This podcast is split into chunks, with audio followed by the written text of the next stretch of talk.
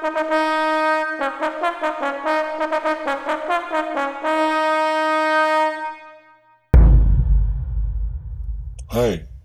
selamat sore. Saya terlalu sombong rupanya kemarin bilang enakan.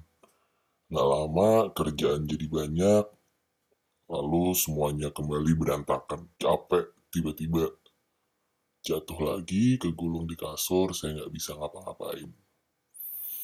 Oke, hari ini saya mau cerita soal hmm, sebenarnya hal-hal yang saya pikirkan kemarin setelah saya enakan. Mainly itu ternyata ternyata tentang perubahan kepribadian. Jadi tiba-tiba saya nggak kenal dengan diri saya tuh siapa.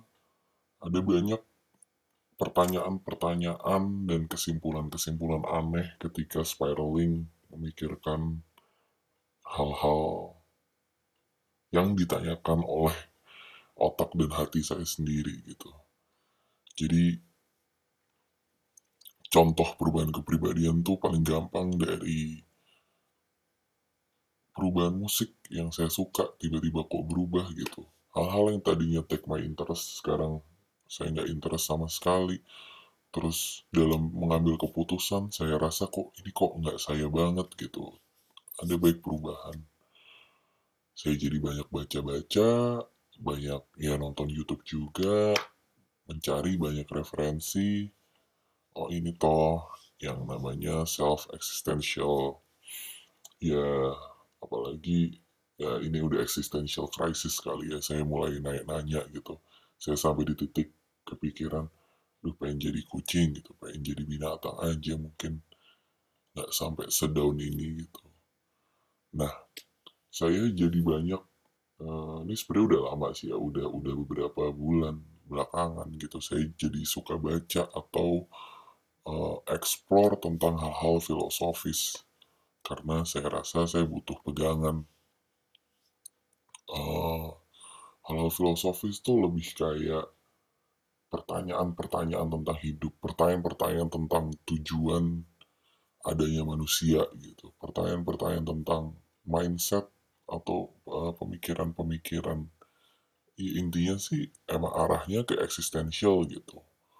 Eh, manusia itu ada buat apa? Saya pribadi itu ada buat apa? Saya itu siapa gitu? Ada banyak-banyak hal yang saya tanyakan yang akhirnya saya explore uh, mainly akhirnya akun-akun YouTube yang saya follow tuh ya tentang filosofis gitu ada banyak akun-akun yang uh, ternyata menjawab pertanyaan-pertanyaan aneh saya gitu tentang apa tujuan hidup uh, seperti apa menjadi manusia yang baik dan benar gitu uh, saya harusnya kayak gimana, memvalidasi apa yang saya rasakan.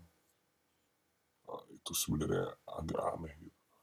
Ya tapi ada beberapa akun YouTube yang menjawab kayak uh, contohnya mungkin favorit saya itu Enzel Ganger. Enzel Ganger tuh ya full tentang filosofi gitu ya.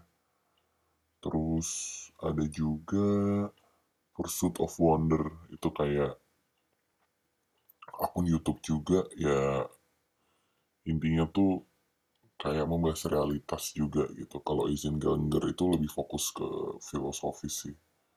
Filosofi-filosofi. Contohnya apakah jika dunia ini sebenarnya itu adalah penjara gitu. Terus bagaimana mentransform diri sendiri ketika kesendirian terus beberapa ajaran-ajaran dari filsuf-filsuf terkenal seperti itu. Nah, mungkin salah satu yang paling ngebantu saya itu tuh sebenarnya uh, stoik, stoikisme, stoicism.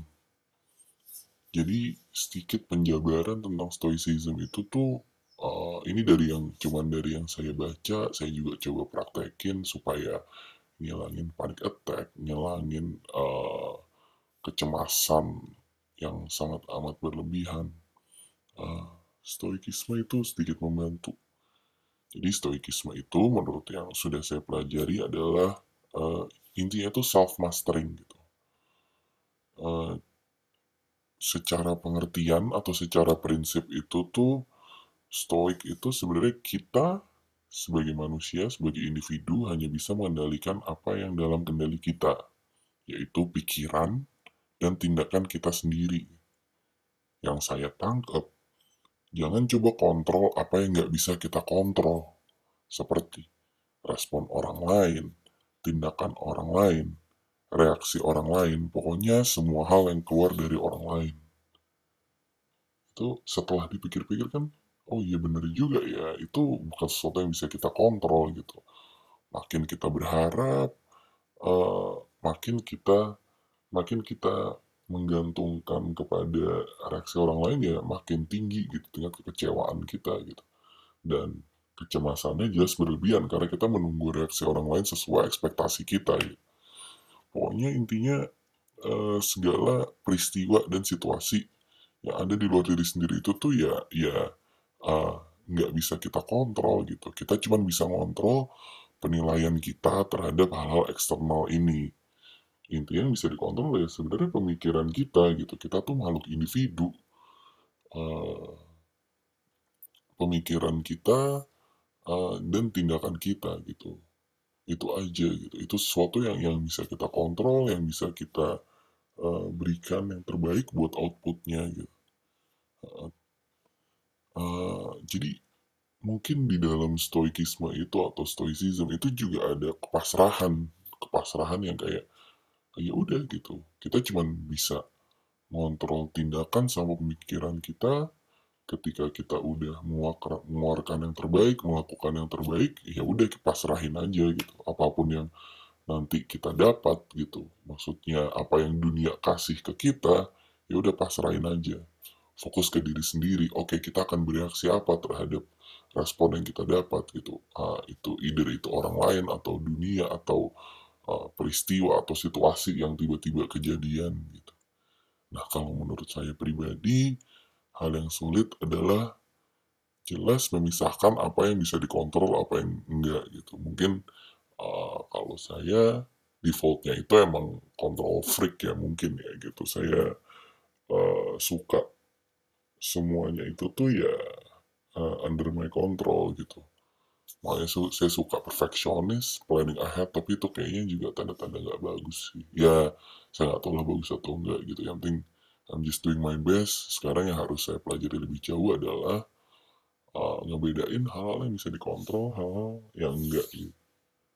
Kalau buat sekarang mungkin itu yang paling kena stoikism. Ada baik ajaran-ajaran aneh lagi yang sempat saya baca gitu. Contohnya uh, how to be human gitu kan. Kita ngerasa bahwa diri kita itu kan uh, extraordinary gitu kita pengen hidup yang berlebihan gitu uh, ya ada ajaran lain yang ya how to be human itu adalah lo melakukan rutin lo lo melakukan hal yang itu aja.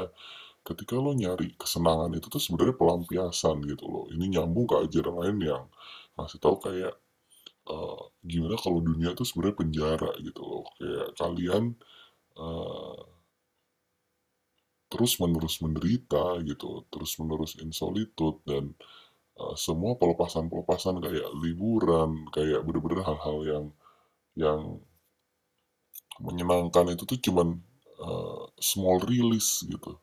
Ini mungkin saya ngomong agak ngawur ya, karena baik banget yang going on di otak saya gitu, baik banget yang jalan. Jadi kayak, uh, iya kayak hal menyenangkan itu cuma small release aja gitu tapi emang kita ditakdirin sebenarnya tuh ya buat hidup gitu-gitu aja untuk kerja gitu we're not uh, extraordinary gitu. Even orang-orang yang udah ngerasa diri extraordinary ngerasa ini kayak oh hidup extra extraordinary gue ini tuh ya sebenarnya biasa aja juga gitu. Mereka butuh rilis sama orang yang biasa aja mungkin rilisnya aja yang beda gitu aja. Ya itu sih hal-hal yang lagi ada di otak saya mungkin ini ngelantur banget ya tapi buat sekarang ya saya lagi existential aja nih uh, ya krisis sih tapi saya akan usahain yang terbaik uh, ini cuma pengen cerita-cerita uh, sebagai target mungkin untuk berikutnya saya uh, coba pemikiran-pemikiran tapi yang kocak kali, yang aneh-aneh kali ya. Kayaknya dark banget yang saya omongin terus. Contohnya misalnya, uh, kerokan gitu. Kenapa kerokan nyembuhin semua penyakit? Itu kan juga aneh ya sebenarnya. Saya agak nggak paham sih. Oke, udah gitu aja. Uh, makasih semuanya yang dengerin. Saya minta doanya aja semoga saya dan kalian semua baik-baik aja. Oke. Ciao.